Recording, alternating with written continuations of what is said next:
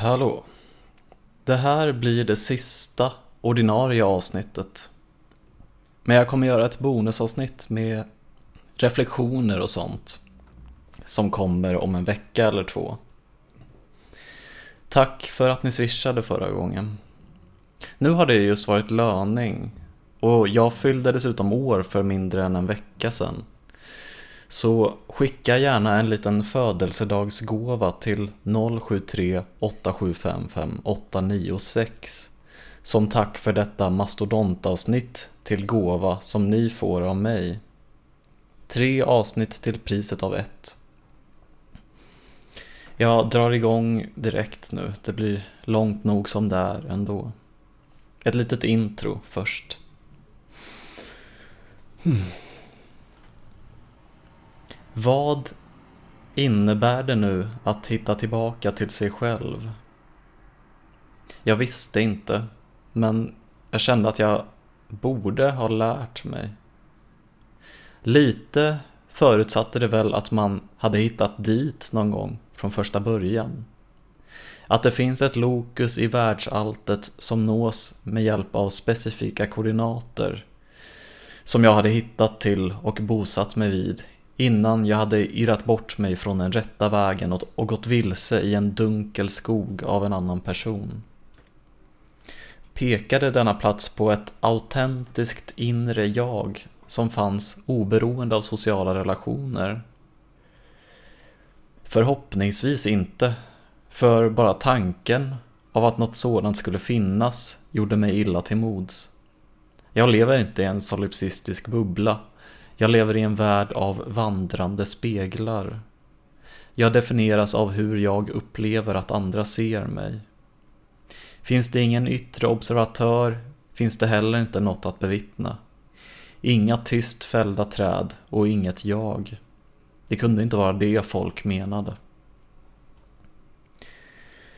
Sig själv måste ha åsyftat platsen där man känner sig hemma. Man hade gått en lång promenad jämte en själslig kamrat och njutit av den värme och närhet och det sällskap hon hade givit.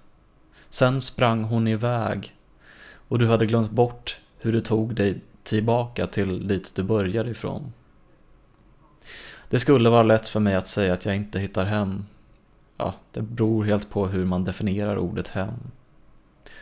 Om man menar att hitta tillbaka till sitt normaltillstånd kan man tycka att jag skulle ha lättare att göra det än de allra flesta. Då mitt normaltillstånd är ganska dystert och lågt. Och det därför inte är extrema steg uppåt jag måste ta från när jag mår som jag gjorde nu. Men mitt normalläge är också ett vakuum som i brist på annat eller andra suger åt sig minnen av det jag senast hade. Som drar ner mig, håller fast mig och förhindrar mig från att ta något steg alls. Man kan också likna processen vid att göra en rejäl vårstädning av hemmet. Rensa bort allt, all damm, allt skräp och alla kvarlämnade rester av den senaste. Sudda bort minnen skrivna i arkivständigt bläck och lämna ett tomt vitt ark, ett rent och fint rum redo att stökas ner av någon ny. Men jag har aldrig varit bra på att städa och det är svårt att motivera när man ändå inte väntar sig få besök. Jag tog in min omgivning istället. Satt handlingsförlamad i mitt rum och lyssnade efter läten som kunde ha varit sex.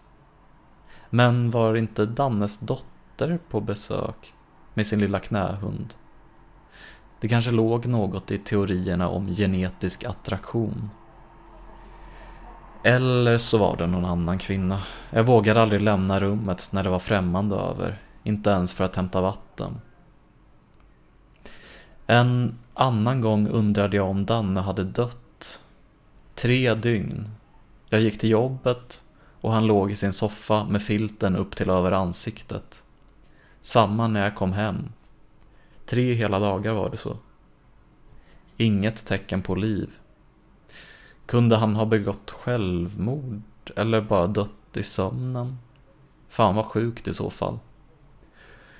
Borde kanske ha kollat, men det gjorde jag inte. Helt paralyserad. Men vad fan. Nu var det här mitt hem, hur dysfunktionellt allt än var. Och inget gott kommer någonsin till den som bara sitter och väntar. Jag gick ut, vandrade Södermalm och lyssnade om Död vänskap av Johannes Nilsson. En kompis till Simon hade gjort en liten dokumentärfilm i Johannes sunkiga knarkarkvart till lägenhet. Hon skulle ha lagt upp den på Youtube, men jag hittade den inte. Jag hittade dock ett klipp från ståhejet de hade på Högdalstoppen, vilket jag såg på med nöje. Satte mig på No Name Bar och skrev till Anna. Hon svarade, men visade inget tecken på att vilja träffas. Förra gången jag hade befunnit mig i det här stadiet kunde jag inte vara annat än passiv. Men på sikt gav det mig en inspiration att förfina mina känslor och minnen till skrift.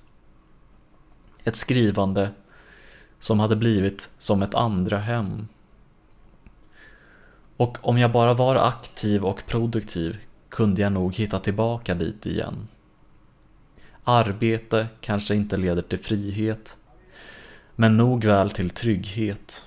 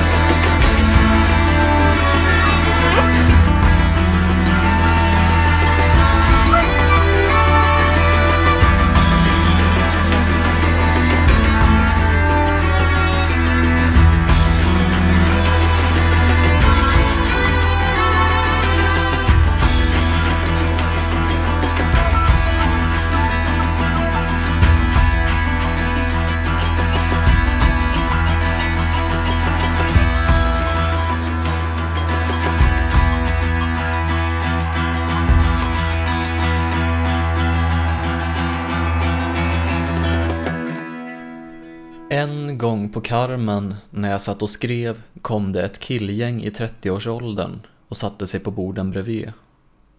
En av männen knackade mig på axeln och, och frågade vad jag satt och skrev på. Det var skönt att få bekräftelse på att det ändå fanns något intresseväckande med mig som person. Han var från Norrland och när jag berättade om Döesammes öde verkade han inte särskilt förvånad. Där han kom ifrån, sa han, var det, var det ungefär lika vanligt som att en kompis hittade kärleken. Och han påstod att han inte ens kunde räkna på ena handens fingrar antalet kompisar han hade haft som tagit livet av sig. Även om han var så blasé kring det var det ändå där vi fastnade. Självmord och tankar på det.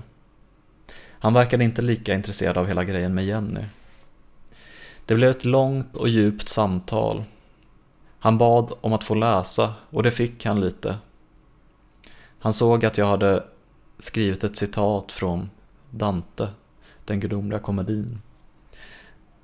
Han frågade om jag visste vad den verkligen handlade om. Han verkade ha någon djup gudomlig insikt där. På ena handen gav han mig beröm och tyckte att det var väl skildrat. På den andra sa han att det var totalt ointressant de exakta tidsangivelser och datum jag hade smyckat ut med. Jag försökte säga emot, det adderade realism. Men han hade inget till övers för det. Han såg hur som helst fram emot att se slutresultatet. Jag tog hans telefonnummer och skulle höra av mig när det blev en färdig bok av det. Vid det här laget började hans kompisar, som hade flyttat till ett annat bord, komma fram och gnälla på honom och säga att han skulle komma tillbaka och sätta sig med dem. Men en sista sak hade norrlänningen på karmen att säga mig. Han la en hand på min axel, kollade, ja inte i ögonen men åt mitt håll och sa Love, jag känner inte dig och vi kommer förmodligen aldrig ses igen. Men en sak ser jag och en sak vill jag säga dig. Du är inte tillräckligt ful för att ta livet av dig. Sen gick han. Vilken jävla komplimang ändå. På Unga Vuxna hade det varit årskontroll och jag hade fått underkänt. Inte på urinprov eller så, utan på ett formulär jag fyllde i. Medan den spydiga psykologen, Angela tror jag hon hette, satt och dömde mig. Audit hette testet och mätte ens alkoholvanor. Jag tog riktigt illa upp av Angelas utlåtning. Hon berättade att det var väldigt, väldigt mycket och farligt nära missbruk att dricka tre, fyra stor stark två, tre gånger i veckan. Kanske fick jag den instinktiva reaktionen för att jag någonstans insåg att det inte var superhälsosamt. Speciellt nu när jag skriver ser jag att jag underdrev i mina svar och att jag hela hösten och vintern i princip hade hängt med i en högfungerande light-alkis tempo. Eller vad man nu ska kalla Alexandra som drack 4-5 liter vin på en vecka. Jag började istället med en massa rationaliseringar som vanligt. Målade upp en halmgubbe av kår eller nationsmedlemmen på valfritt universitet. Jag hade såklart ingen aning, men jag föreställde mig att en genomsnittlig student som gick på gasker och sittningar drack en bra bit mer än mig. Dessutom hakade jag upp mig på Angelas oerhört dömande, anklagande och fittiga ton. Hon var för fan psykolog, hon måste ju ha hört talas om skuldcykeln. Jag hade lyckats ducka blodprov rätt lång tid sedan årskontrollen, men nu var jag tvungen att göra det, för jag hade ett möte inbokat med överläkaren på avdelningen. Mittemellan att jag lämnat proverna och skulle få resultaten hade jag dessutom en tandläkartid. Som vanligt var det inget fel på tänderna, vilket var ett smärre mirakel med tanke på att det knappt hände en gång i veckan att jag borstade både morgon och kväll. Tandhygienisten dock. Hon sa att jag måste sluta snusa. Fan heller. Fräckheten man stöter på. Trodde hon verkligen att jag skulle göra det bara för att hon sa det? Överläkaren Stella på Unga Vuxna sa att blodvärdena var högre än vad som var önskvärt. Men det var inget direkt alarmerande. Grejen var mest att det inte var bra att kombinera med medicinen jag gick på. Hon tyckte att jag kunde lämna ett nytt blodprov om sådär tre månader. Vikten dock, vikten Love. Du måste äta. Den var mer omedelbart besvärande. Om jag minskade mer i vikt skulle jag inte få ta konserter längre. Jag hade varit bra och produktiv i några veckor. Satt på Söderkällaren och skrev. Men jag fick ett plötsligt infall och skickade iväg ett meddelande till Johannes Nilsson. Han svarade förvånansvärt snabbt och var inte lika otrevlig och kort i tonen som han brukade vara. Vi skrev i ett par timmar. I början var det mest jag som bad om råd kring eh, skrivande. Jag minns att han frågade om jag skrev stenad. Nej, full. Okej, då var hans råd till mig att renskriva och redigera i nyktert tillstånd. Antagligen samma råd som jag hade fått om jag hade skrivit pårökt. När, när man tänker efter kanske det till och med är bättre än att vara opåverkad hela processen genom. Det sägs ofta att man ska låta texten vila några veckor innan man ger sig på att redigera för att skapa en distans till det man har skrivit. Men om man är en annan person nykter än onykter får man den där distansen mycket snabbare. Men det kan också vara en ursäkt för att få berusa sig. Som Stig Larsson med sitt amfetaminmissbruk. Johannes hötte ett varningens finger också när jag berättade att jag skrev i den självbiografiska utlämnande traditionen. Han ångrade mycket han hade skrivit i till exempel recension. Han grämde sig över hur han inte kunde återkalla alla fysiska exemplar som hade sålts. Folk pratar om att inget går att tas bort från internet, men vänta bara tills ni får höra talas om analoga medium. Att han lämnat ut sig själv gick dock att förlåta, men flerfaldigt värre var hur han hade lämnat ut andra. Han önskade att han hade haft vett att anonymisera bättre. Men vänta lite, Simon G då? Johannes svarade att just den djävulen hade han inget emot att lämna ut. Sen skiftades samtalet till att handla om Simon och alla hans samarbetspartners, Kalle, Frej, Mr Cool. Det fick man ändå ge Simon, tyckte Johannes. Att han hade en bra näsa för talang och valde bra folk att göra saker ihop med. Vi kom också in på en person Johannes och även en bekant till mig hade känt. Jag började parallellchatta med Johannes och min andra bekanta. För smidighetens skull tog jag skärmdumpar av det Johannes skrev. Så att jag inte behövde göra referat av hans meddelanden för att få till en proxykonversation av gamla minnen dem emellan.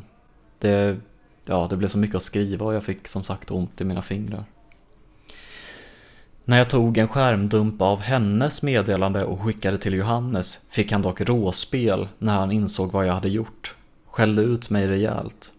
Jag bad om ursäkt men jag förstod inte helt och hållet varför det hade varit så fel. Kanske var det en åldersgrej. Jag tillhör den generation där man förutsätter att något är okej att vidareförmedla så länge personen inte sagt att det är en hemlighet som stannar mellan oss. Men att just skärmdumpa och skicka vidare verkar ha varit extra vidrigt. Jag antar att det kan liknas vid att spela in ett samtal och sen spela upp det för någon annan. Men nu var det inte gjort för att sätta dit honom. Förmodligen är det jag som är extrem i min brist på grepp om personlig integritet och inte nödvändigtvis en generationell fråga. Jag skämdes en stund, men det var inget att hänga läpp för. Jag hade en generationsroman att skriva. Nästa gång blev jag på No Name Bar. Jag varvade. Carmen var lite av tradition. Knappt ens att jag gillade Karu. Den smakade lite banan tyckte jag. Men likt förbannat beställde jag den ändå, för tradition är tradition. Det var också ett väldigt socialt ställe. Det hände nästan alltid att någon kom fram och snackade. Raka motsatsen på Söderkällaren. Ingen sentimentalitet i personalstyrkan, de låtsades inte om att man hade varit där förut. och det hände aldrig att någon frågade vad man satt och skrev. Den enda främlingen som sökte kontakt var den förståndshandikappade åldringen. Men han kunde ju inte ens prata. No Name Bar var ett mellanting. Personalen hälsade och kände igen mig, men frågade inte om det skulle bli något jobb på Grönan i sommar, som de gjorde på Carmen. Och det var inte fullt så ensamt som på Söderkällaren. Någon gång ibland fick man kontakt med främlingar, men långt ifrån alltid. Jag satt nära toaletterna, inne i min egen värld, lyssnade på Bellen Sebastian eller om det kan ha varit Bright Eyes. Så kom en kille och frågade vad jag gjorde. Hade gärna fått vara en söt tjej för en gångs skull, hann jag tänka innan jag tog av mig lurarna. Han var max tio år äldre än mig, hade keps, var helt okej snygg och hyfsat välbyggd. Jag förklarade och han sa att han satt vid fönstret på andra sidan lokalen med en kompis om jag ville ha sällskap. Jag svarade att jag skulle ha det i åtanke men att jag nog skulle sitta och skriva ett tag till. Det tog dock inte lång tid för nyfikenheten att ta överhanden. När min öl var slut köpte jag en ny och begav mig till deras bord. Jag skakade hand, ett fast handslag med hans kamrat. Ossi kallades han. Och Joje, det var han som hade kommit fram och pratat med mig. Ossi såg betydligt töntigare ut. I sin munkjacka såg han ut som en nördigare version av Young Lean. Jag berättade lite om vad jag skrev på. Joje verkade intresserad och när jag sa att Johannes Nilsson var en influens avslöjade han att han hade varit en hängiven lyssnare av Magister. Han hade även lyssnat på podden efter att Lampinen och Huselius hade tagit över. Men K och Johannes hade varit bäst. Ossi avbröt med att Johannes Nilsson var en nolla och att det jag gjorde, att berätta om hur jag runkade och så, var så jävla B och gammalt. Jaha, okej. Okay. Han tyckte att jag skulle sluta hålla på med det infantila och börja träna och bli en riktig man. Han tog mig ett grepp om min bicep och bad mig spänna. Patetisk, Vet du, jag skulle när som helst kunna ta dig in på toaletten och våldta dig analt. Jag visste inte hur jag skulle reagera så jag skrattade bara lite nervöst. Han återkom till det förmodat skämtsamma hotet ett par gånger under kvällen och jag reagerade alltid likadant. Nej, tacka vet jag Yukio Mishima, sa han. Jaha, okej, då vet jag. Då har vi ändå en viss gemensam referensram. Även om jag aldrig hade läst honom. Johannes Nilsson var dock den som tipsade Bromander om Mishima. Så de två kanske inte var så olika som Ossi ville tro. Nej, Mishima och homoerotisk fascism verkade vara ett gemensamt intresse för både Jojje och Ossi. Han började också prata om en incel-dokumentär som jag måste se. TFW, That Feel When No GF Girlfriend hette den. Alltså, okej. Okay. Det låter ju lite intressant. Jag såg mig själv i mångt och mycket som en incel som hade haft tur. Men jag vill inte verka för eager to please, speciellt med en snubbe som nyligen hade förolämpat mig.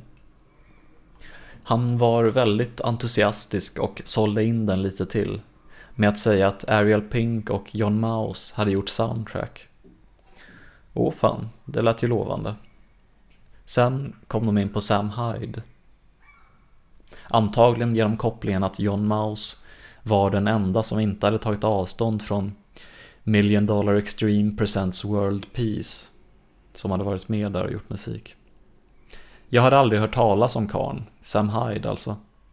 Ossie och Jojje talade i mun på varandra om att Simon Gärdenfors och Anton Magnusson kanske var extrema på låtsas, men Sam Hyde var the real deal Helt unik i sitt slag, äkta och ja, det fanns ingen annan som hade gjort det som han hade gjort. Hans standup var att han gick upp på scen i något ängsligt kvarter i New York och bara sa en massa rasistiska och misogyna grejer ända tills publiken kom upp på scen och hotade med handgemäng. Det var inte ens några riktiga skämt. Jag tog det kallt och sa att det måste folk ha gjort förut. Det lät som något Kaufmanskt konceptkonstverk. Och att driva med TED-talks, som de berättar om också, var ju definitivt gjort förut. Vi drog vidare till ett annat ställe efter att ha följt varandra på Instagram. De var båda två visuella konstnärer, hundra gånger mer begåvade än mig. Jojje speciellt hade dock anammat någon fulsnygg Wolfenstein-estetik som jag inte kunde ta till mig helt. På väg till Söders bar och restaurang, samma ställe som jag hade blivit nekad tillträde till på grund av vitt under näsan, började Ossi prata högt om en massa saker. Först att han civilt var skorstensfejare. Sen, båda delar lika förvånande, att han bodde på Östermalm och tillsammans med sin flickvän.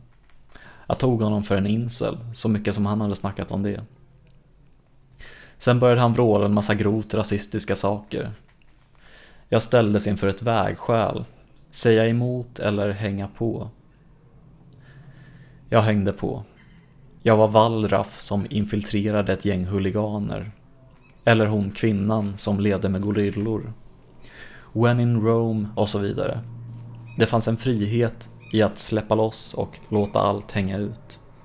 Hela paketet.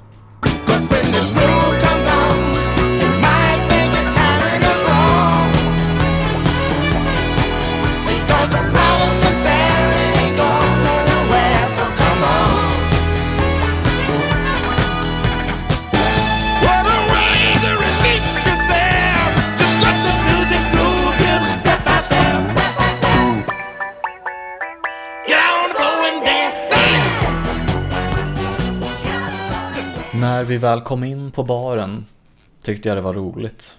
Jag blev from i sinnet och ville filma Ossi när han sa något fruktansvärt och skicka till Björn, som också var fascist bakom okänt antal ironiska lager.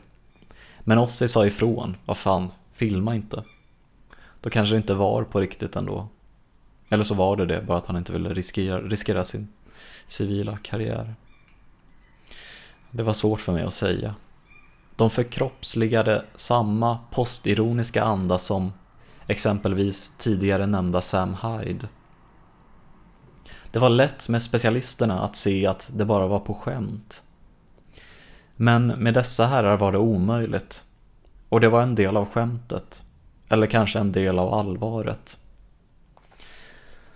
När Jojje gick på toa blev det dock lite allvar. Ossi berättade att han också hade mått extremt dåligt från tidig ålder och hade velat, eller kanske till och med försökt, ta livet av sig. Han höll sig dessutom nykter för det mesta och drack bara en gång om året typ. Just ikväll var ett sånt tillfälle. Han undrade om jag kunde köpa en öl, så swishade han. De körde båda med tecknamn, men nu hade jag faktiskt Ossis riktiga namn i swish-historiken. Det var skönt att ha ett litet övertag. Jojje kom tillbaka och då bröts det sanna ögonblicket. Ossi började skryta om att han kände en av killarna som hade slagit ner Simon och Kalle i Simons 120 dagar. Det var någon graffare. Jag fick namnet om jag lovade att inte säga något till Simon. Jag spelade med och sa att Simon är en sopa, klart jag inte kommer göra det. Sen gick jag på toa och skrev direkt till Simon vad jag hade fått höra. Han verkade konstigt nog totalt ointresserad och likgiltig och nästan lite dissig till mitt avslöjande. Jojje skulle dra hem och det skulle också Ossi. Som innan han gick sa att fan, hör av dig på Instagram så kan vi träffas på någon gym och jag kan hjälpa dig komma igång med träningen. Jag åkte hem till pappa. Det gjorde jag då och då utan särskild anledning men inte så ofta som jag borde kanske. Nu var det faktiskt av en särskild anledning. Det var Sture, den gråvita hankatten, som levde sina sista dagar. Han hade slutat äta. Fick någon medicin som funkade i en vecka ungefär. Veterinärkostnaderna skenade iväg och min pappa var ingen välbärgad man. Det var alltså ganska akut för mig att komma hem om jag ville ha chans att ta farväl en sista gång. Det var väl en anledning så god som någon att åka hem. både piska och morot. Jag gjorde det av en pliktkänsla delvis, men drevs också av samma känsla som får mig att gå på konserter av band jag gillar. Förmodligen kommer jag känna mig ensam, bli trött i benen av att stå så länge, bli irriterad av den höga volymen och muttra bittra ord om hur det inte låter som på skivan. Men vad fan, det kan vara den sista gången de kommer till Sverige. Och en dålig erfarenhet är fortfarande en erfarenhet. En dålig spelning är ett starkare minne än att ha stannat hemma och undrat hur spelningen var. Jag tog en massa bilder av Sture. Han var vanligtvis något av en tjockis, men nu var han pinsmal. Det klädde honom bättre, men jag sket i vad som var klädsamt. En avlivning ser då inte särskilt bra ut. Jag drog upp honom i sängen och lät honom klasa hur mycket han ville i det hela vita lakanet. Lämna någon form av avtryck. Det berörde mig inte överdrivet mycket när Saga, vår första katt, behövde avlivas. Jag satt i baksätet i bilen och följde inte med pappa när han tog in henne till kliniken Animalen i utkanten av Södertälje. Jag grät en skvätt av förväntad saknad och sorg. Men det var inget som traumatiserade mig. Jag slöt nog tidigt fred med tanken på döden. Det fanns inget jag kunde göra för att förhindra det ofrånkomliga förloppet. Och denna brist på egen agens gjorde att jag inte kunde projicera känslan av min egen otillräcklighet på situationen i stort. Det lugnade mig. Tidens obarmhärtiga men förutsägbara gång. Alla ska vi den vägen vandra. Somliga förr, somliga senare, men vi kommer alla dit till slut. Jag trodde därför inte att jag skulle gråta så mycket som jag gjorde nu när det var dags att ta farväl på riktigt. Men nu var det en annan sak. Jag var visserligen äldre och förhoppningsvis innebar det en större känslomässig mognad och en styvare överläpp. Men jag satt inte i baksätet på en bil och Sture skulle inte direkt till slakten. Det skulle dröja några dagar. Jag ställdes då inför ett val och jag valde att åka hem till Haninge. Detta grät jag besinningslöst över i en halvtimme. Hade jag kunnat ta med honom hade jag gjort det. Det realistiska alternativet var att stanna kvar. Men jag hade ett jobb. Och jag kanske inte hade någon lust att vältra mig i sorg. Förhoppningsvis satt sorgen i väggarna och takbjälkarna i det gamla 1800-talshuset och var inget jag tog med mig till Brandbergen. Jag höll om honom nära in på kroppen och dök ner med näsan i pälsen för att känna hans lukt en sista gång. Så länge att han sa ifrån. Han hade alltid varit min favorit. Han var mindre grå än Selma, trots att hennes päls var nattsvart. Han hade personlighet. Han checkade sig, han bröt mot regler. Men han hade också alltid varit en liten gnällspik. I bilen, när jag satt och väntade på min pappa som skulle skjutsa mig till Lillahls busshållplats, hann jag skicka ett meddelande till Jenny. Det var en hyfsat nykter redogörelse av det som var. Jag besparade henne mina känslor eftersom jag inte ville framstå som att jag fiskade efter medlidande. Hon drömde ändå om att bli veterinär. Hon älskar katter. Och hon hade varit känslomässigt investerad i Sture och Selma hon förtjänade att veta. Jag hade velat veta om något hände Timmy eller Monty. Väntade jag mig att hon skulle svara? Nej, såklart inte. Hon hade aldrig svarat på något jag skrev. Det var inte så vår kommunikation såg ut. I am like the mother Waiting around about to cry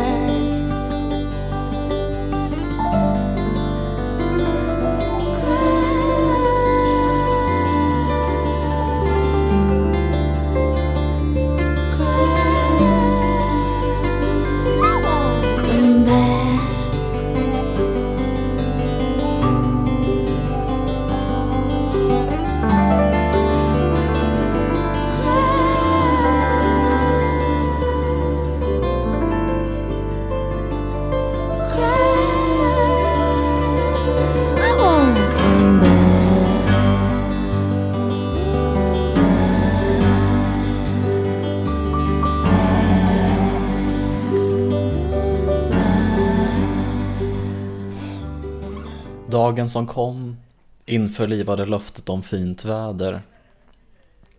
Men något jobb blev jag inte erbjuden. Det kändes för deppigt att stanna hemma. Jag ville utnyttja det fina vädret. Istället för att ta den vanliga bussen till Gullmars åkte jag till Haninge centrum och tog pendeltåget. När jag kom fram till Stockholm södra gick jag av och satte på Vasas Flora och Faunas nya album som jag inte hade lyssnat igenom ännu. Jag gick upp för rätt sida Södra station som hade varit fel om jag ville ta mig till Medborgarplatsen förbi Bofelsbåge. Glada Stinsen låg där den alltid hade varit. Jag hade någon idé om att spela in ljudet av att gå in där och beställa en öl. Som en fin matta precis innan första spåret på mitt nya, nya alias Gardeners Delights första skiva. Men idag var inte dagen. Jag hade inte min zoom med mig. För första gången på ett och ett halvt år vandrade jag ner längs Fatburs brunnsgata. Det var inte en upplevelse som slog mig så hårt som jag hade trott. Jag tänkte på Jenny och kvällen vi hade haft. Men det var inte som att jag plötsligt var där igen och bröt samman. Skivan var definitivt bättre än deras förra. Men det var ju inte riktigt samma sak utan Iris. När jag kom fram till fel sida Södra station tog jag av till höger och gick samma promenad som jag hade tagit på min dejt med Amanda. Men jag fortsatte där hon ledde oss av vägen. Jag skulle inte till Blå Lotus. Jag fortsatte förbi Larrys Corner och Eriksdalshallen. Jag skulle till Simmerparken. Minnenas allé. Inte heller där möttes jag av några starka minnesupplevelser. Mest oförlösta löften. Jenny kom aldrig dit. Och den känslomässiga twisten med Maja var kanske inte helt upprättad men glömd och förlåten sedan länge. Det kändes mest ensamt. Bara jag där. Kändes som att jag klamrade fast mig vid något alla andra hade slutat bry sig om för länge sedan. Så fint väder var det inte. Lite blött i gräset. Det var min nyckel till en forndom där jag hade upplevt vad jag nu insåg var lycka. Men det var ingen annan som hade så starka känslomässiga band till platsen. Jag tog en bild och la upp i specialisterna-gruppen. Det var knappt en och en halv månad kvar till den 60 i sexte. När jag satte mig på bänken, densamma som jag hade värmt upp i en timme första gången jag var här, kom skivans näst sista låt på. Jag kommer spela en bit av den nu och den kommer uppfattas som meningsfull i berättelsens kontext. Men ni får komma ihåg att Jenny inte är hennes riktiga namn och att jag inte ens givit henne ett fingerat efternamn. Så att, ja, det är därför det inte kan börja på W. Men nog stämde det att jag saknade och ville ha henne här. Regnet det kom till slut som vi hade väntat. Det är söndag och vi har checkat ut. Vi sitter på bänkar. Vi ska ta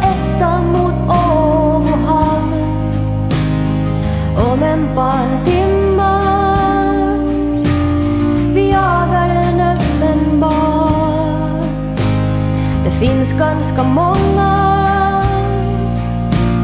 Vi saknar dig. Jo, Jenny vet. Vi vill ha dig här. Jo, Jenny vet. Jag kom hem i ett handlingskraftigt humör.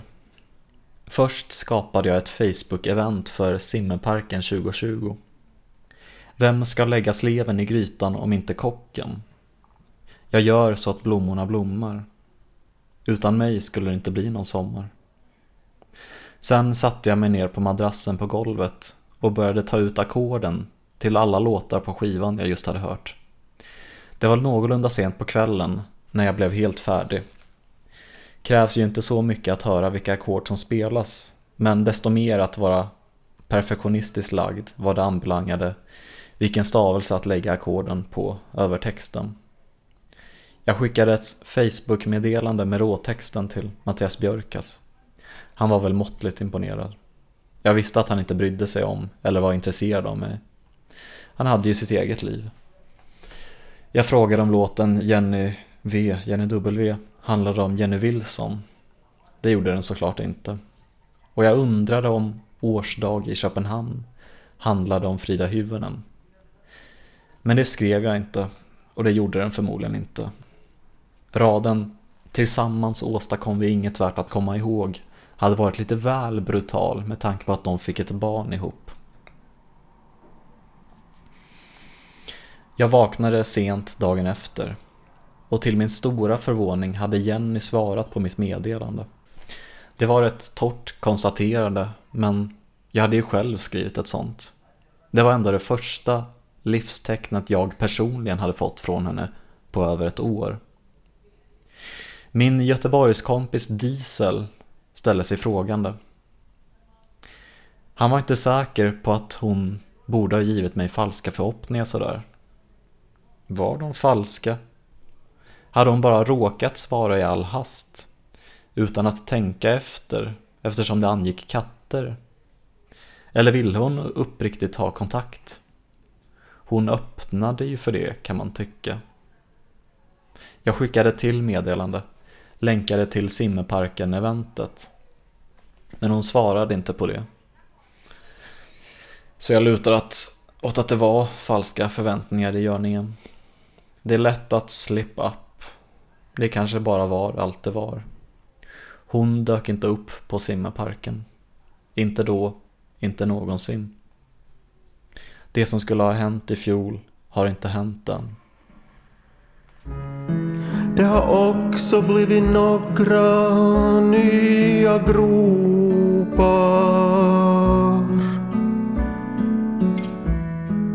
Det som skulle ha hänt i fjol har inte hänt än. Köpte markisen sån har allihopa.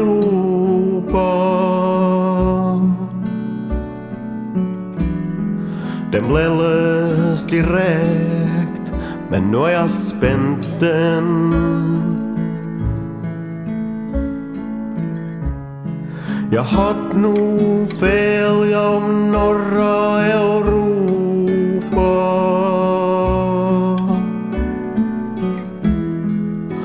som skulle ha hänt i fjol har inte hänt än. Vad fanns kvar att göra? Vad hade jag kvar? Jag kunde då inte räkna med Jenny, utan fick utgå från att hennes välvillighet var ett undantag och ingen regel. Och inte skulle jag smida medan järnet var hett.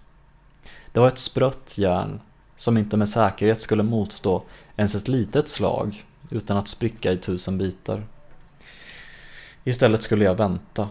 Förr eller senare måste hon svalna av. Jag hade andra saker som var mer säkra kort. Mitt skrivande var väl i slutändan mest en ursäkt för att supa själv utan att skämmas. Men det var inte så lite det. Jag skämdes inte över det jag åstadkom. Jag hade en stark story och starka känslor som kapslades in i cellulosans vita cellväggar. På sätt och vis var jag stolt. Det hade jag lärt mig sedan länge behövde inte alls översättas till intresse hos andra. Men jag fortsatte skriva ändå. För min egen skull och för en närmast sörjande som av socialt tvång inte skulle säga annat än positiva saker. Dessutom fanns det något mer pinsamt än ett gymnasialt romanprojekt som aldrig ens blev färdigt. Den mansfällan tänkte jag inte trilla i.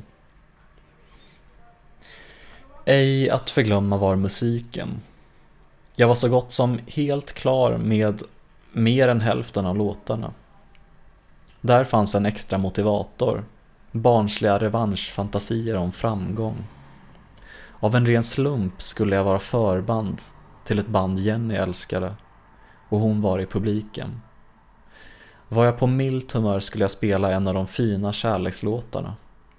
Busigt och kaxigt humör, den sexiga dängan Academia, som jag nyligen hade skrivit efter att ha inspirerats av Björns vänner till att göra något med explicita sexuella referenser.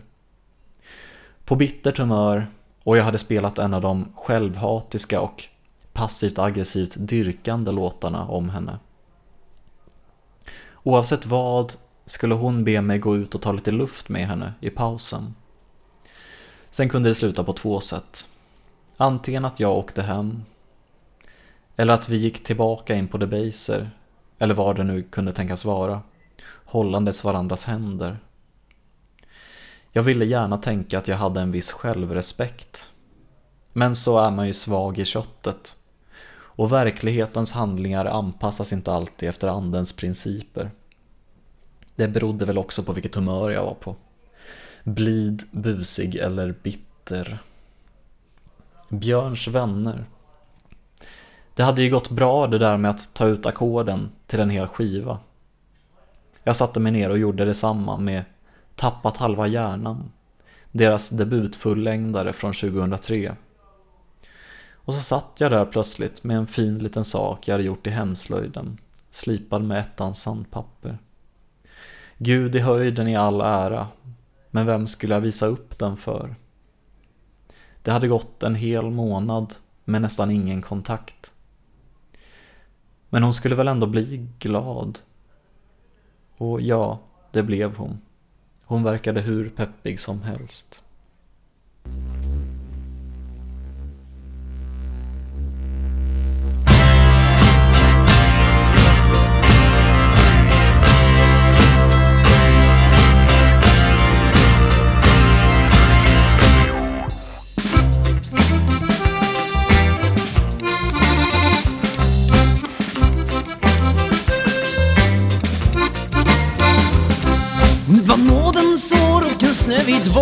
Av vinter och tristess Men på sommaren är det meningen att allting ska vara fest. Så mot Gröna Lund och vid Kalmarsund ringlar långa köer fram.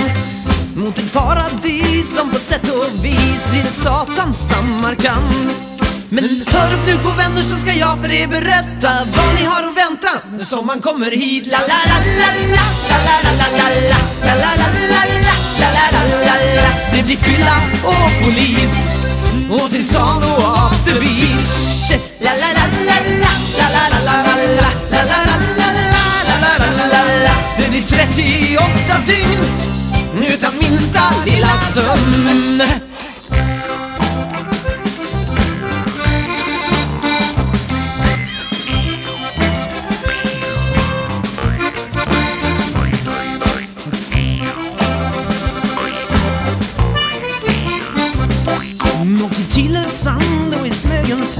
går i kölsvinet i däck Åker i reggae-takt på en segeljakt dansar partyfolket näck. Och en tysk familj, ingen tysk familj. Det är Raus som står drang. När ett raggargäng kör en liten sväng ner i kyrkogårdens damm men hör upp nu gå vänner så ska jag för er berätta vad ni har att vänta när sommaren kommer hit La la la la la la la la la la la la la la la la la la la la Det blir grisfest utan gris och sin san och afterbeach La la la la la la la la la la la la la la la la la la la la Det blir blå blå melodin och fem veckor ledin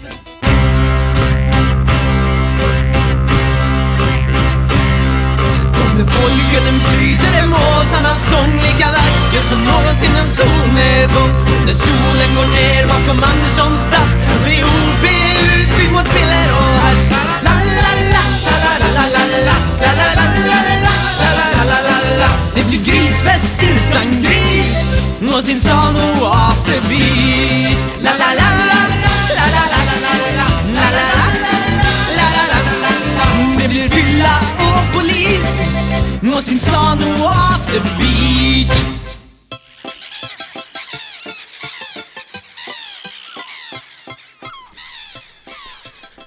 Jag lånades ut till ett främmande kontor i Spånga som jag inte tror att jag hade hört talas om ens.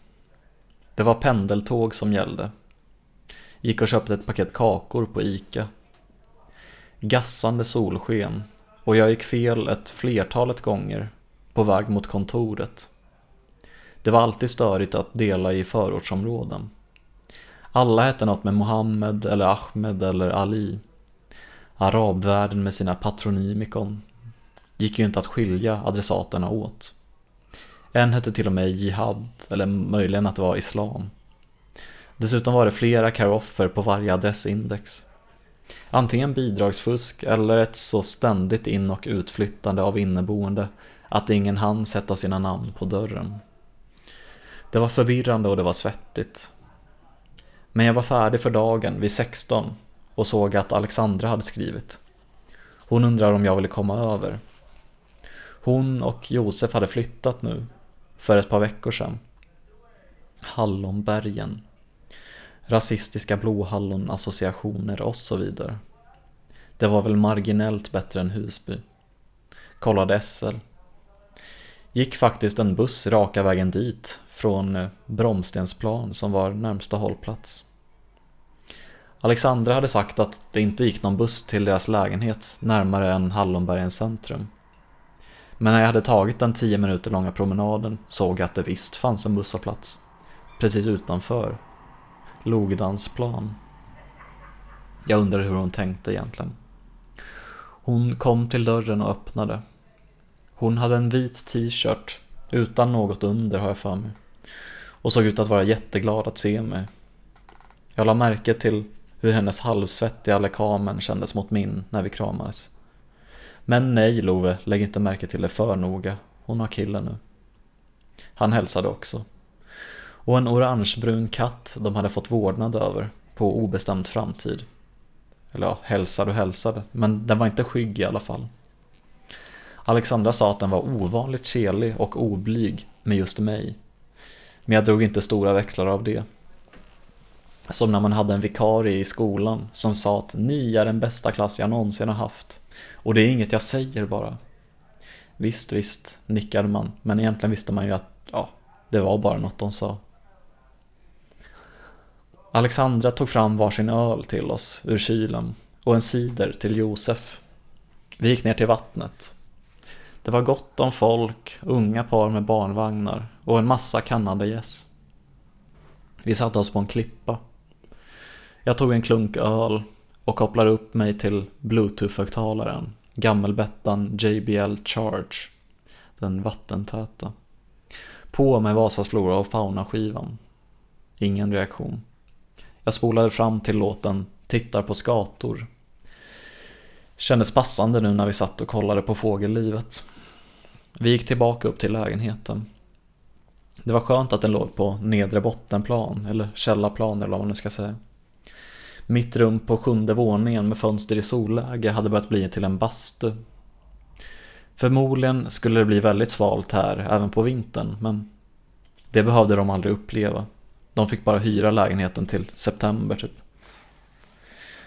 Alexandra sa att hon skulle göra mat och bad mig sätta mig ute på balkongen med Josef. Få honom att känna sig som en del av vårt umgänge. Och den här gången hade jag faktiskt inget emot det. Det var en fin dag och jag var full och mottaglig. Vi pratade lite om musik. Han hade lyssnat mycket på det gamla Bandit Rock-bandet Billy Talent. Han satte på Red Flag, jag satte på Rusted in the Rain. Vi snackade lite skit om Vänsterpartiet också och hela den breda folkfrånvända vänsterrörelsen i stort. En rörelse som helt och hållet består av medelklassakademiker med fina medelklassåsikter kan inte arbeta för att främja någon annan klass intressen än sina egna. Hade de läst Marx skulle de inse det. Josef höll helt och hållet med. Han var helt okej okay ändå.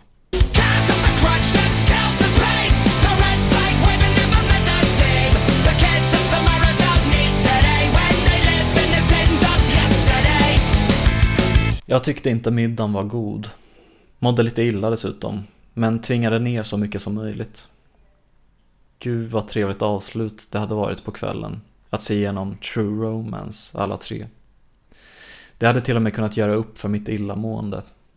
Jag visade först upp scenen med Dennis Hopper och Christopher Walken via deras Chromecast. Sen tog jag försiktigt upp idén att se hela filmen. Det var länge sedan och den är skitbra. Nej, Alexandra orkade inte. Med ett blev jag oerhört sorgsen. Detta yttrade sig dämpat. Jag gick ut i hallen och snörade skorna. Sa att det var väl ändå dags för mig att dra. När Alexandra hade kramat mig och sagt hur, hon, hur glad hon hade varit att se mig och hur mycket hon hade saknat mig så kollade jag åt ett annat håll och gav ifrån mig ett behärskat hejdå. Som lät som att jag inte menade det. Jag visste inte hur jag annars skulle hantera mina känslor utan att agera ut pinsamt mycket genom att till exempel börja storgråta. Det var inte bara besvikelse utan även en känsla av avvisning. Jag bad om ursäkt på vägen hem. Datumet var 6 juni och jag var i Simon Gärdenfors nya lägenhet på Timmermansgatan. Ingen förpodd med Niklas Lövgren den här gången. Däremot lite förarbete åt, åt hans flickvän Andrea. Hon jobbade på en skräckfilm och jag blev inkallad som IT-konsult. Jag var en av få som behärskade den hemliga konsten att googla och läsa instruktioner på engelska. Vi var värda vår vikt i guld tydligen. Eller i alla fall en bråkdel av vår vikt i indisk mat och en starköl. Som jag fick som betalning för att ha installerat Photoshop och Premiere Pro. Det var jag då värd. Störde mig som fan på att vi inte gick den kortaste vägen till vår destination. Kände som att jag kunde området bättre än mitt sällskap men de bodde ju ändå här så det var konstigt. David Liljemark hade vevat mot folk på Facebook som hade gått i demonstrationståg trots smittorisken, vilket Simon tyckte var lite löjligt och överdrivet. Jag stod helt klart på Davids sida i debatten.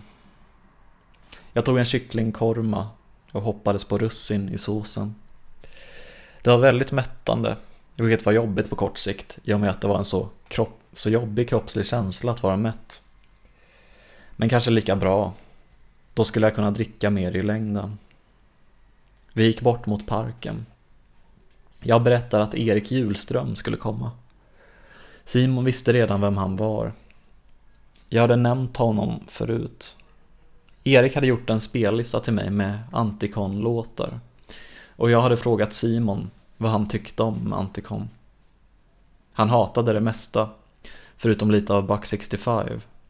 Och han ogillade Dan Lesac vs Scroobius Pip också. Jag kunde inte tänka mig en person med sämre musiksmak. Fick förklara för Andrea att Erik varit i band med Fronda och vi började sjunga Rullar fram i samstämma. Simon sa att han aldrig hade förstått den låten. Men Simon, det är ungdomens musik, fattar du inte det? Jag var väl förberedd med en liter Expedition vin som jag hade haft framförhållning nog att bara ha druckit upp en fjärdedel av. Men väl i parken ösregnade det. Ett litet solsken var dock Rebecca och Anton som vi mötte där.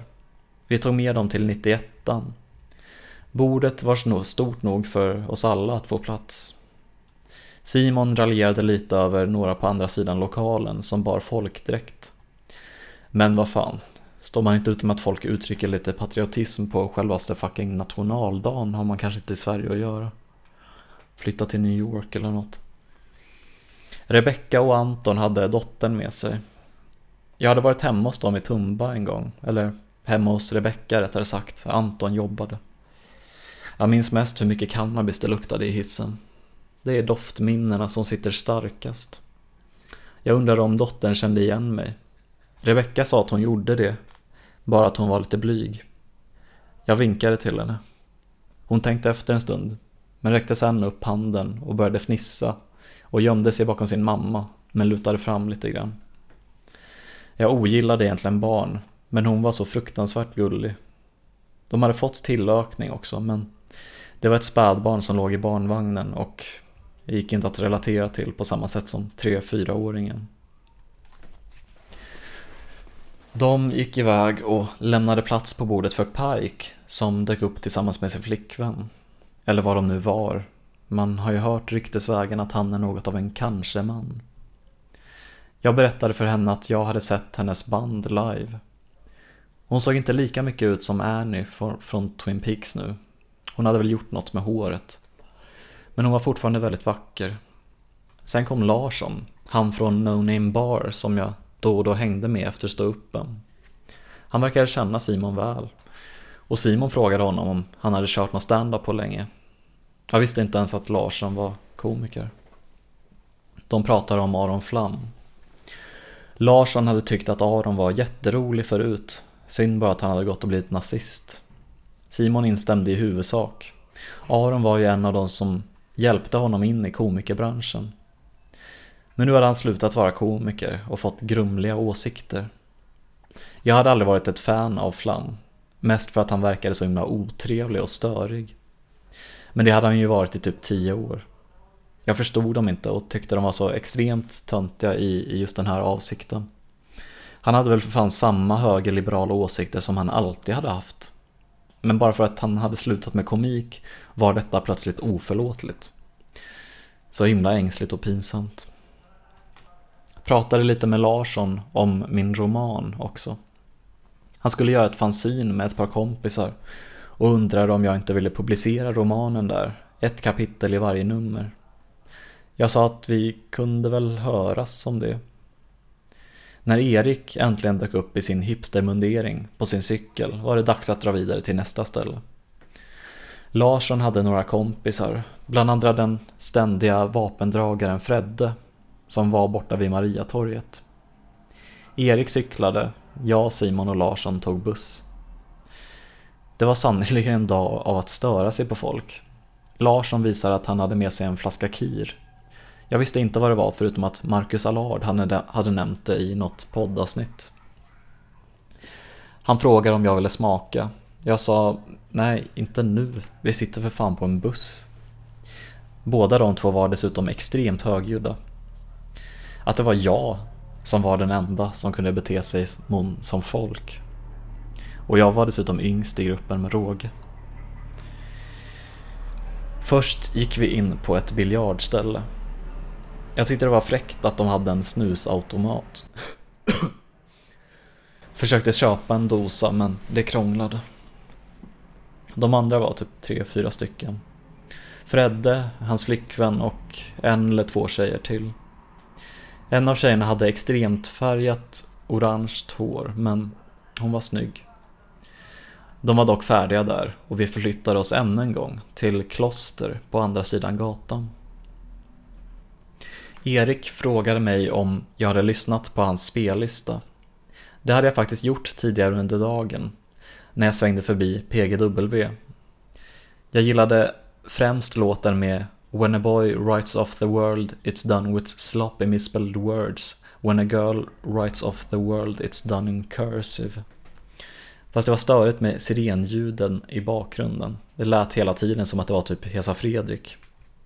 In seven seconds I'll become undone, I'm breaking through. If you're around by the time I reach number one, I'm taking you. You're not the traveling type, then hide your baggage better. Before you die a normal death and write the average letter About your internal furnace and how life's a sexually transmitted disease that you contracted through her kiss. When a boy writes off the world, it's done with sloppy misspelled words. If a girl writes off the world, it's done in cursive. I'm searching for a cure, cure. Is a sickness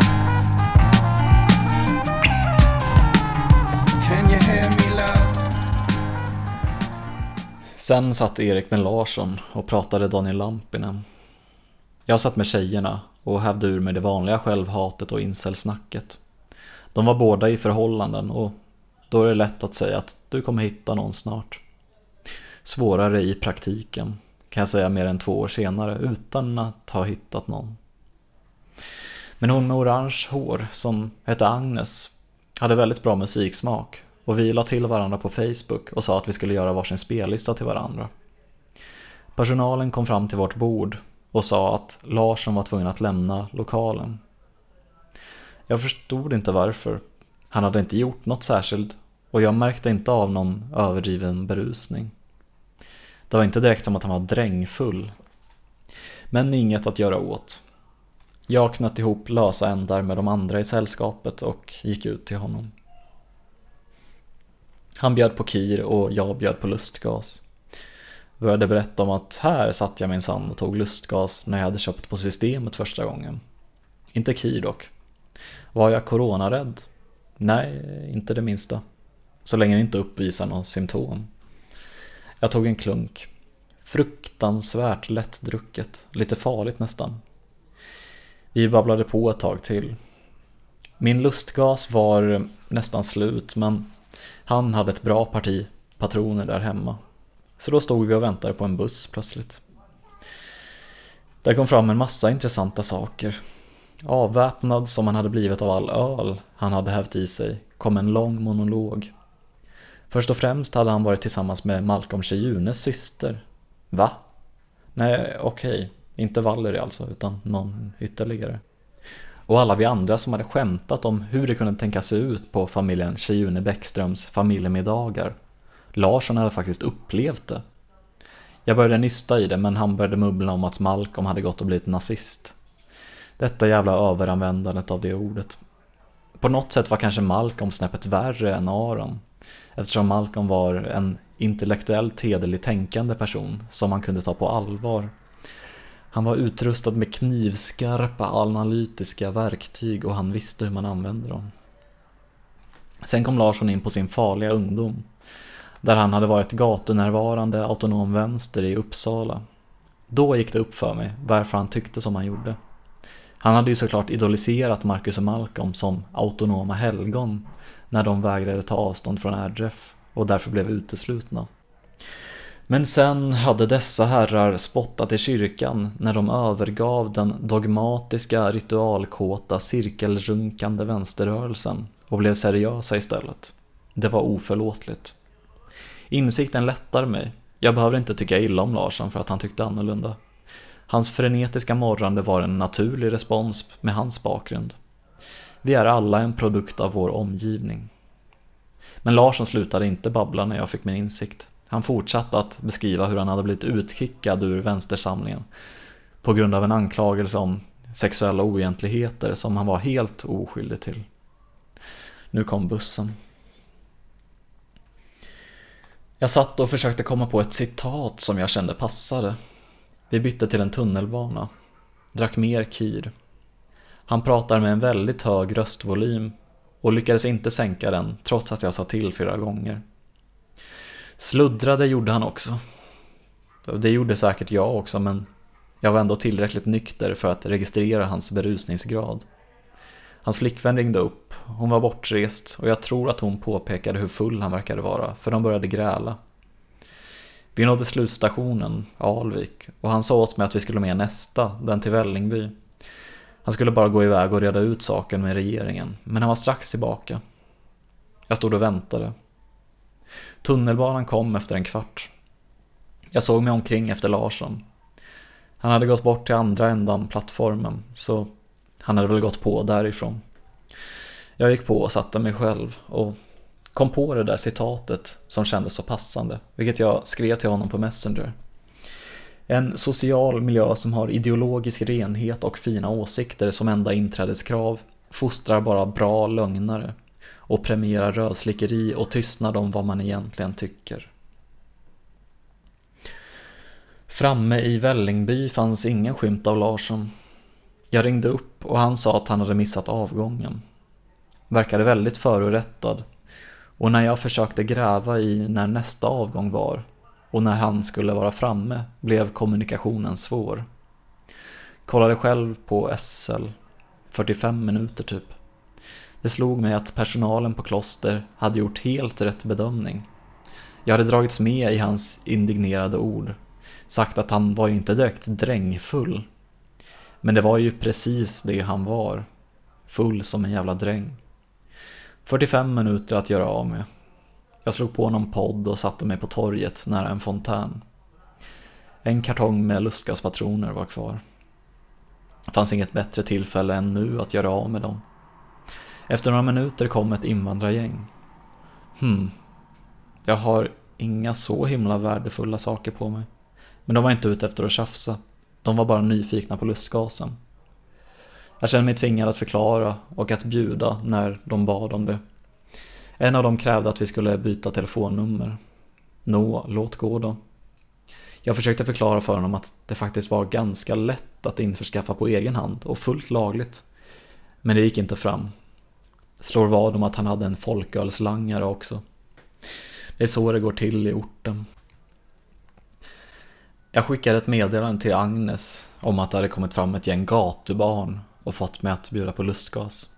Han funderar på om det inte lät lite rasistiskt men då kom Larsson och ledde mig till lägenheten. Vi tog en jävla massa lustgas tills det mesta var slut och vi somnade. Jag spelade mycket Ben Sebastian, vilket togs emot likgiltigt. På morgonen smög jag ut ur lyan. Smög verkligen eftersom han fortfarande sov. Jag såg en massa tavlor i lägenheten som hans flickvän hade målat samt en del, låt oss säga mansskeptiska klistermärken. Inte förvånande alls. Jag hade väldigt ont i huvudet men mådde inte illa så det var nog mest vätskebrist. Dessvärre upptäckte jag halvvägs hem att jag hade glömt mina hörlurar i Vällingby. Fick en panikartad reaktion. Men jag lugnade mig med att då får jag helt enkelt undvika att lämna hemmet tills jag åker och hämtar dem. En bra piska om inte annat. Dock blev jag lite osugen när jag läste vad Erik hade skrivit i en chatt. När de två hade pratat hade Larsson sagt att om han någonsin stötte på Lampinen skulle han ge den nazisten en rejäl smäll på käften. Jag visste där och då att jag och Larsson aldrig skulle bli särskilt nära vänner. Och det skulle nog inte bli av det där med fanzinpubliceringen. Jag gick ett nytt område på jobbet. 11446, Grev Ture och Humlegårdsgatan. Ett väldigt skönt område. Men det är alltid lite förvirrande första gången man går en runda. Carl Jonas Winqvist hade gjort inlägg på Facebook om en ny skiva han hade varit inblandad i utgivningen av. Skator hette artisten och skivan hette År. Den lät intressant så jag laddade ner den på Spotify, men jag väntade mig inte att bli så betagen som alla andra. Jag brukar inte fastna för sånt andra hyllade. Skivan var slut när jag kom till Grev Turegatan 13B och hade irrat bort mig i en felaktig trappa. Och jag tog ett sansat beslut att börja om från början igen. Kom inte ihåg när det hände senast. Att genast börja om från första början. Eh, första gången man hade kört igenom en platta. Den kändes helt unik i sin stil på den svenska marknaden. Olyckliga kärleksvisor som hade ett eget vokabulär av metaforer till naturens brutalitet och kroppens trauman. Som Jeff Mangum fast mer nordiskt och naturromantiskt. Fast inte så romantiskt kanske, mer naturrealistiskt. Och det var någon sorts mörk progressiv folk som Komus fast snäppet mer finstämt. Det enda jag kom på var vissa Turid-låtar men den jämförelsen haltade rätt snabbt. Det var den skivan jag lyssnade på mot slutet av veckan, fredag kväll när jag var på väg mot Hallonbergen. Josef var borta och jag blev hembjuden av Alexandra på premissen att vi skulle ha en sån där härligt mysig kväll bara vi två, som vi inte hade haft på så länge. Och det blev faktiskt precis så som jag hade hoppats. När jag kom dit hade jag bytt låt till eh, ja, en Björns vänner. Låten Mörkröda tomater. En medryckande slapstick som samtidigt var oerhört sexig. En förförisk buskis. Alexandra kom och öppnade porten och högtalaren stod på när vi gick in i lägenheten. Och vilken låt hade hon satt på eh, och liksom lyssnade på när jag kom. Om inte Mörkröda tomater av Björns vänner. Vi var två ärtor i en och samma skida. Jag förklarade vem Fredrik A. Trampe var, som vi nyligen hade spelat in Musikens makt ihop med. Hoppades på att han skulle nämna det i Della Morta sen. Så att vi kunde få lite lyssnare därifrån. Ja, det är en podd som han har tillsammans med Kalle Lind. Ja, Kalle Lind, det, det är han som hade skrivit det där blogginlägget om Rickard Kycke som jag visade. Efter det blev det precis som förut. Musik, prat, massvis med vin, intimitetsbyggande frågor, mys och fysisk kontakt på en helt platonsk nivå. Vi hade druckit över en liter vin var när Finn hörde av sig. Han var med sin kompis Mikael, den ettriga personen som jag hade träffat en gång förut och som Alexandra hade pratat mycket om. Mikael hade nyligen varit überdramatisk och i princip sagt upp kontakten med de andra. Men han hade blivit sams med Finn igen och räckte ut en hand till Alexandra. Jag var såklart också välkommen. De var på Sidetracks, en bögklubb vid Mariatorget. Alexandra var trött, men jag var sugen, så jag halsade ett sista glas vin och sa farväl. På perrongen vid Hallonbergen skrev jag i parklivschatten att jag skulle på bögklubb. Jag vet inte varför jag blev förvånad när folk kallade mig bög. Trots min påtagliga berusning kom jag in och jag behövde inte ens suga dörrvaktens kuk. Som tur var satt vi i ett avskilt hörn bakom trappan. Jag skulle ljuga om jag sa att jag inte hade varit lite orolig över att folk skulle ragga på mig. Det är lustigt att man kan vara så osäker när det gäller kvinnor, men så full av hybris när det kommer till män. Fast Finn bekräftade såklart mina homofobiska farhågor och sa att bögar hade noll krav. Och han borde ju veta om någon. Men det kanske stämmer lika väl på heterosexuella män. Jag började prata om min incestfetisch och den fanns också bland bögarna, instämde både Finn och Mikael i. Hos de två åtminstone. Kanske är den ännu mer accepterad i den världen med daddies och twinks, cubs och så vidare. Finn tog upp ett litet vitt piller ur sin ryggsäck. Fyra skåror. Jag var lite varsam. Jag hade tänkt många gånger att visst, jag tackar ja till det mesta om det är gratis, men jag sätter ner foten vid opiater och bensodiazepiner. Och det här var Xanor, det som amerikanerna kallar Xanax, det vill säga benzo. Men det var bara en fjärdedel och det kunde inte vara så värst farligt. Jag svalde med en klunk öl. Sen blev allt lite suddigt. Sidetrack stängde vid ett. Vi vandrade runt ett tag och hittade en kö till ett ställe som hade öppet till tre. Finn frågade om jag hade hånglat med en kille någon gång. Nej. Vill du prova? frågade han. Varför inte? Av vad han hade sagt. Bögar var extremt lättfotade och hade noll krav. Rent fysiskt kändes det ju exakt likadant som en kvinna. Men det var något som saknades. Detta något var väl den sexuella attraktionen. Det blev inte som scenen i Tillsammans där Ola Rapace blir avsugen direkt. Vi blev insläppta på nåder och för att Finn kände dörrvakten men det dröjde inte länge innan vi stod i en ny kö. Och där kom vi inte in. Ett annat gäng killar blev också nekade och vi gick tillsammans med dem nerför en evighetslång trappa ner till vattnet. De andra var hur sociala som helst. Jag kände för att lyssna på musik och satte på Cats on Fire på mobilhögtalaren. Lutade mig bakåt mot ryggsäcken. Värst vad trött jag var. Visste inte vad klockan var när jag vaknade men solen hade gått upp. Det var nog dags att ta mig hem.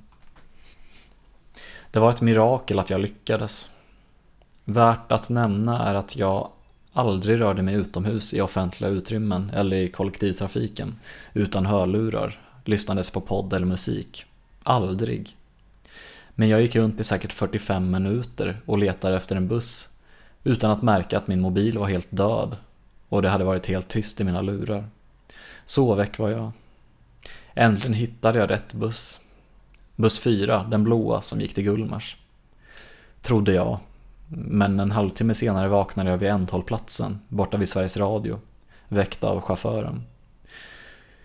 Så pass borta var jag alltså att jag hade gått på, på fel sida av vägen. Det var som sagt en mirakelbedrift att jag lyckades ta mig hem. Men det gjorde jag till slut. Klockan var halv åtta, eller halv nio eller vad det var, och, och jag somnade omedelbart. Klockan ett på dagen tog jag mig till ICA. Vitaminer var vad jag behövde kände jag. Så jag köpte en och en halv liter multivitamindryck och inget annat. De hade inte Glocken Gold, så det fick bli ICAs egna. Jag orkar inte gå den fem minuter promenaden tillbaka till lägenheten. Bussen skulle komma strax. Solen kändes ovanligt gassande och påträngande. Sommaren var här på riktigt. Väl på bussen tog jag en enda klunk av juicen. Ett under av återhållsamhet gjorde att jag klarade av att vänta till rätt hållplats innan jag gick av och tömde hela maginnehållet i första bästa buske. Sen blev det inte mycket mer av den dagen.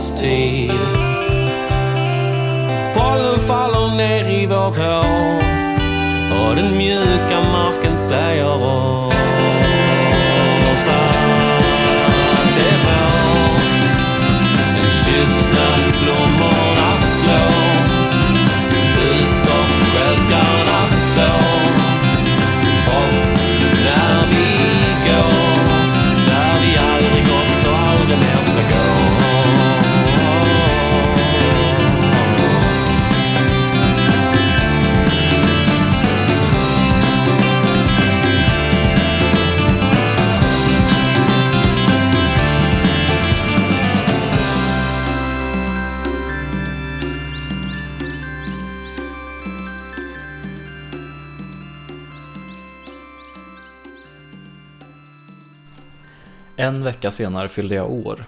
För första gången sedan jag hade flyttat hemifrån. På kort varsel försökte jag få ihop så många som möjligt. Alexandra kom och Robert verkade som att han skulle dyka upp förr eller senare också. Ingen annan. Men det var ju bara min födelsedag, varför skulle någon annan ta sig tiden att dyka upp? 21 juni, den längsta dagen på året. Jag hade rekat läget och hittat ett ställe som inte visade fotboll. Det var Hammarby säsong. Baren låg ganska nära Central Bar på Götgatan och hade en liten primitiv uteservering. Alexandra kom bara tio minuter efter angiven tid. Hon bjöd på en öl efter att jag hade druckit upp den jag hade. Hade jag något önskemål? Det var trots allt min födelsedag. Ser det ut som att du är gjord av pengar eller? Köp den billigaste 40 centilitaren de har. Efter ett tag skrev Robert att han var på väg in. Vi gick in till baren och beställde nytt och köpte en till Robert när vi ändå höll på. Sporrad av berusningen och Alexandra kände jag mig social nog att fråga han i baren varför de hade kläder från Neverland. Det var samma ägare tydligen. Jag började tänka på Jenny. Robert kom och efter ett tag drog vi till Carmen istället. Robert visste inte att de var öppna. För det hade varit någon nyhet om att de hotades att stänga ner då de inte följde coronarekommendationerna. Men de hade öppnat igen. Jag berättade för Alexandra att jag hade hånglat med Finn. Jag var lite oroad, för jag visste att han var i ett långvarigt förhållande. Hon var mest avundsjuk, hon tyckte Finn var skitsnygg. Men la till något om att hon hade sett Finn hångla med andra förut och jag vet ju hur bögar är, de har väl någon kiss but don't tell upplägg. Sen blev jag oerhört förvånad av att Alexandra var konfirmerad. I och för sig var hon från Smålandstrakten och där hade man väl gjort familjen besviken annars. Jag själv hade åbringat stor, stor skam på min familj, åtminstone min asatroende far, om jag hade konfirmerat mig. Väl på karmen tog jag upp en tanke.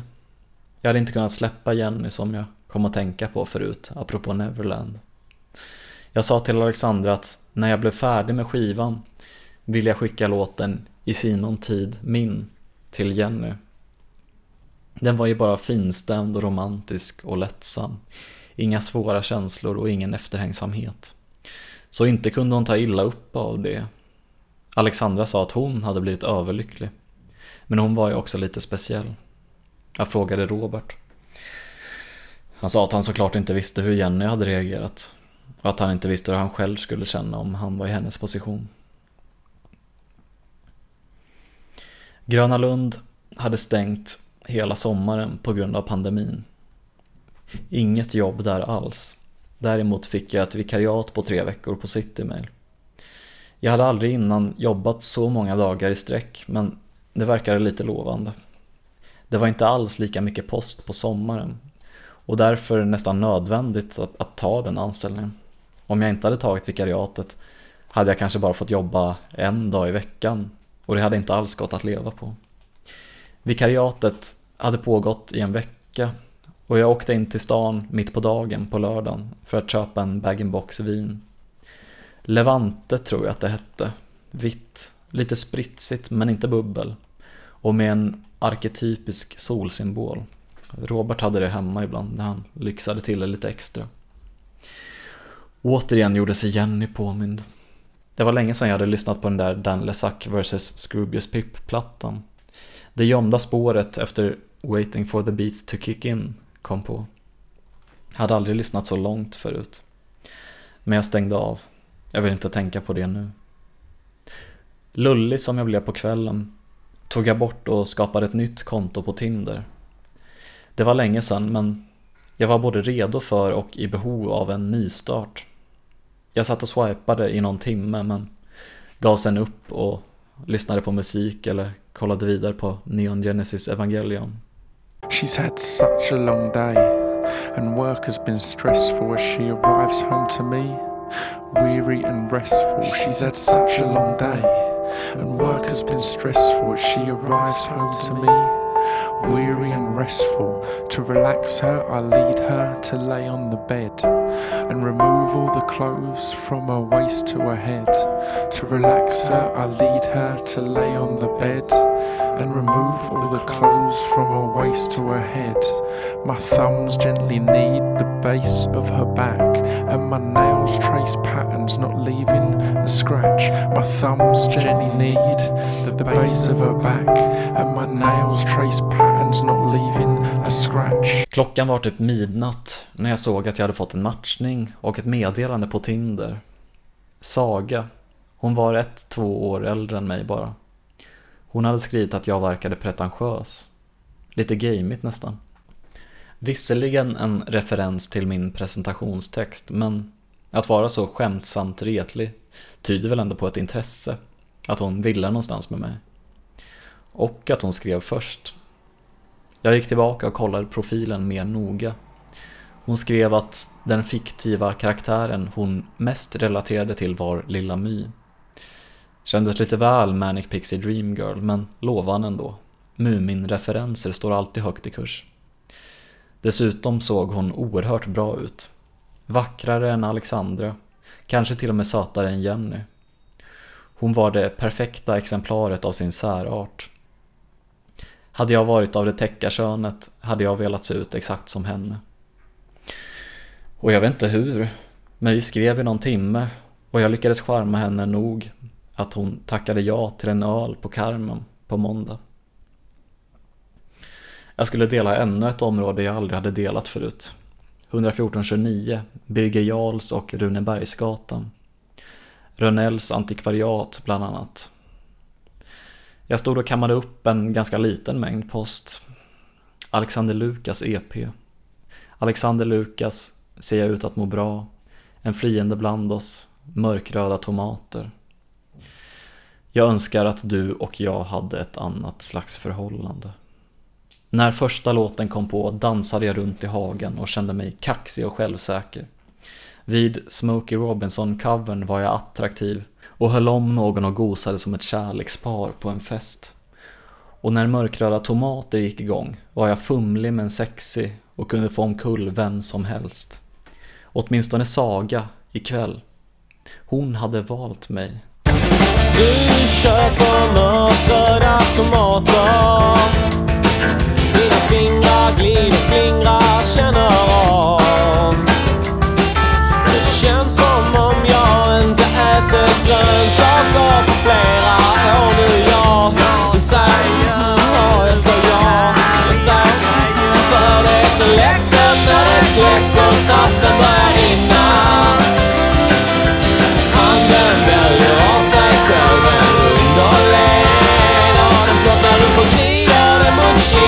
Kinden börjar brinna. Ser din blick i ögonvrån och du rycker till och går därifrån.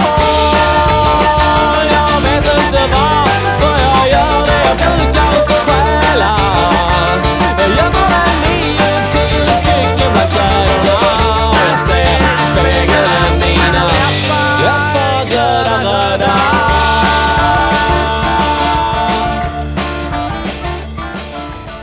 Jag dröjde lite extra efter lunchen och pratade med en kollega och fick skäll av coachen sen för att jag hade segat.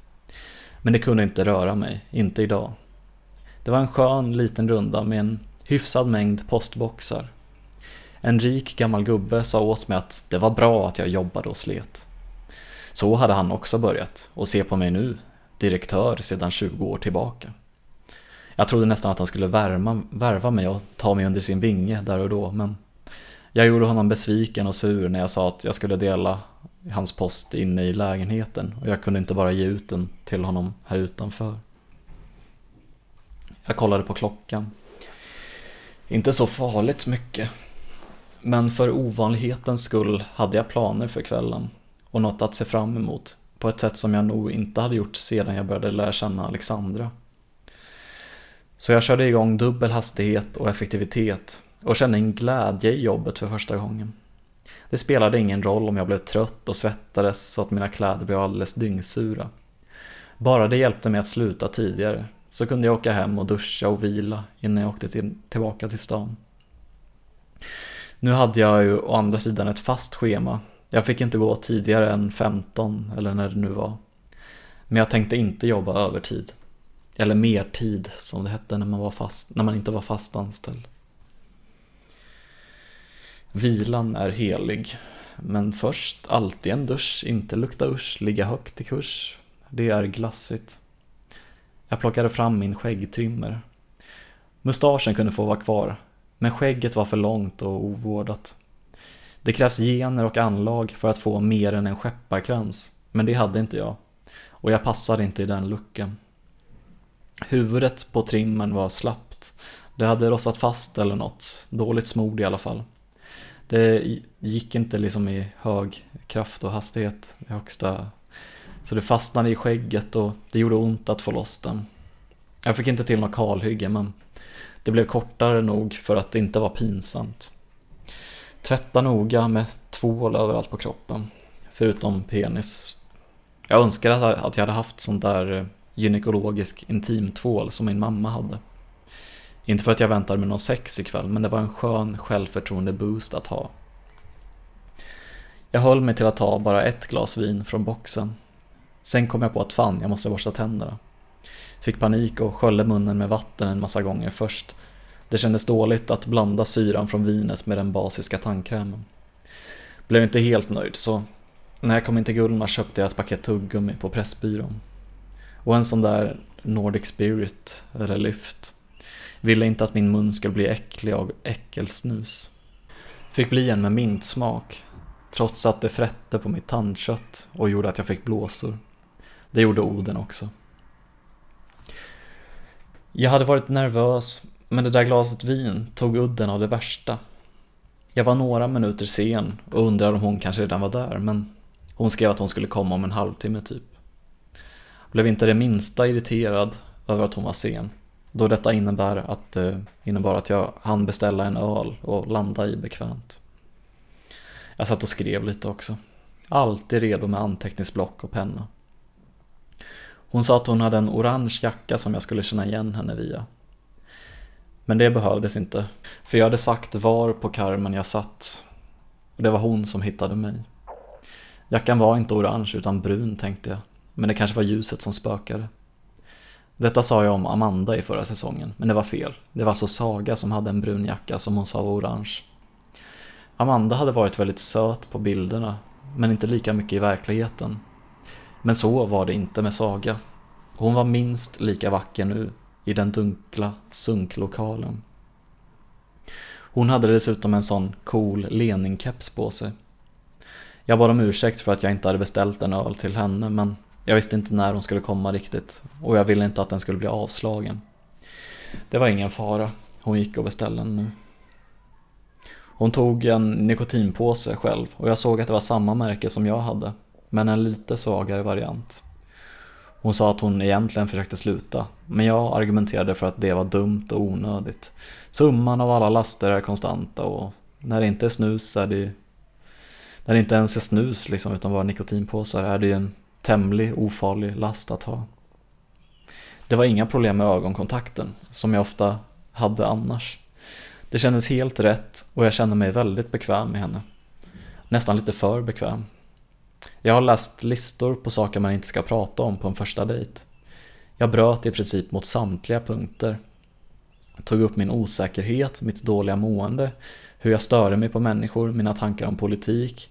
Inte ex kanske, men gamla relationserfarenheter. Hon blev mycket underhållen när jag berättade om historien med Jenny. Det verkar inte vara någon fara. Hon svarade med att vara lika öppen. Berättade om sin skolgång, hon kom från Huddinge, och om en traumatisk erfarenhet hon hade haft kopplat till jobbet. Hon hade jobbat på en mellotronfabrik som tydligen fanns i utkanten av Stockholm. Bara det var coolt. Men hennes chef hade våldtagit henne en gång. Aj. Sedan dess hade hon haft problem med sex och den typen av intimitet. Ja, det förstår jag. Låter ju som en riktig jävla skitstövel det där. Så nu jobbar hon inte där längre. Nu var hon personlig assistent. Det var tryggare. Det kom en person från personalen och bad oss flytta till ett mindre bord, vilket vi gjorde.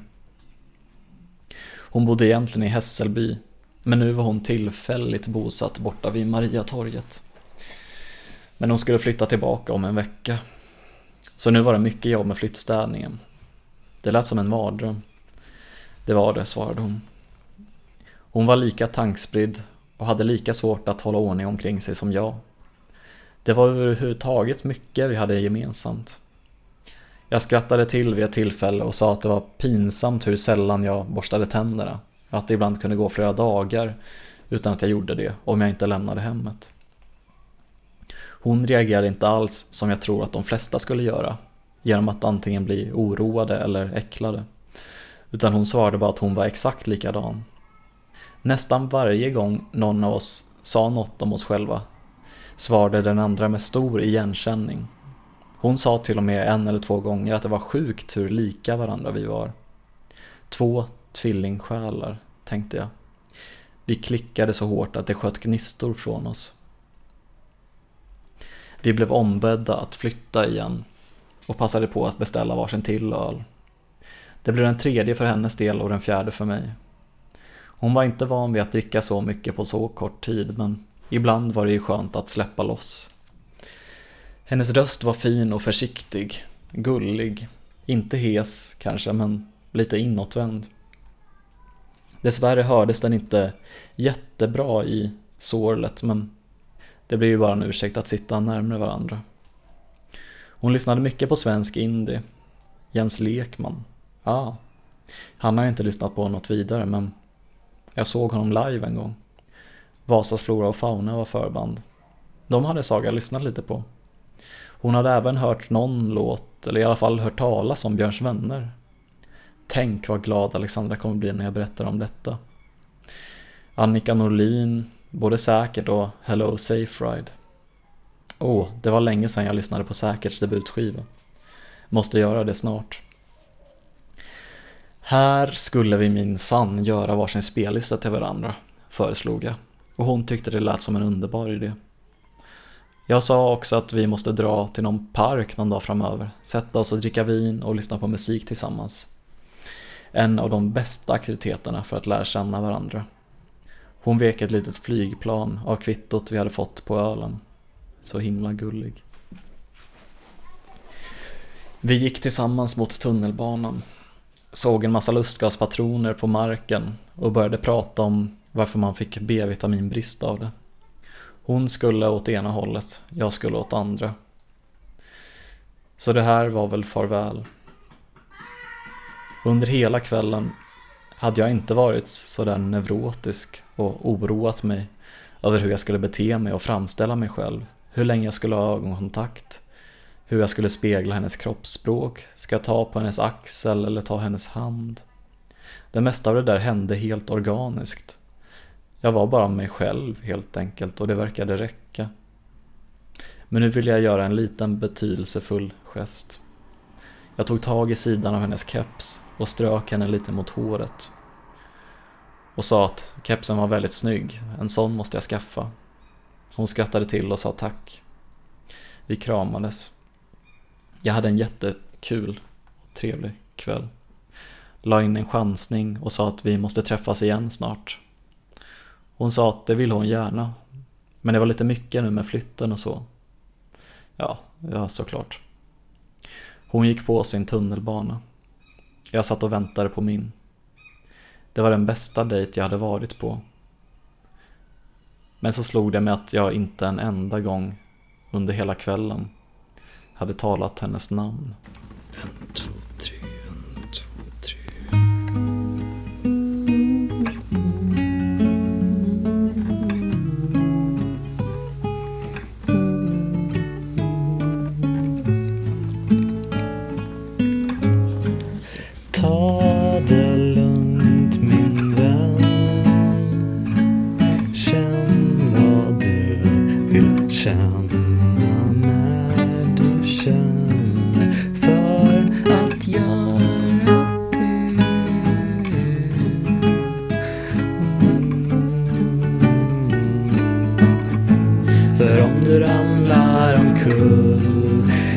jag dig upp, tar tag i din kropp. Håll min hand i din, en puss på din kind.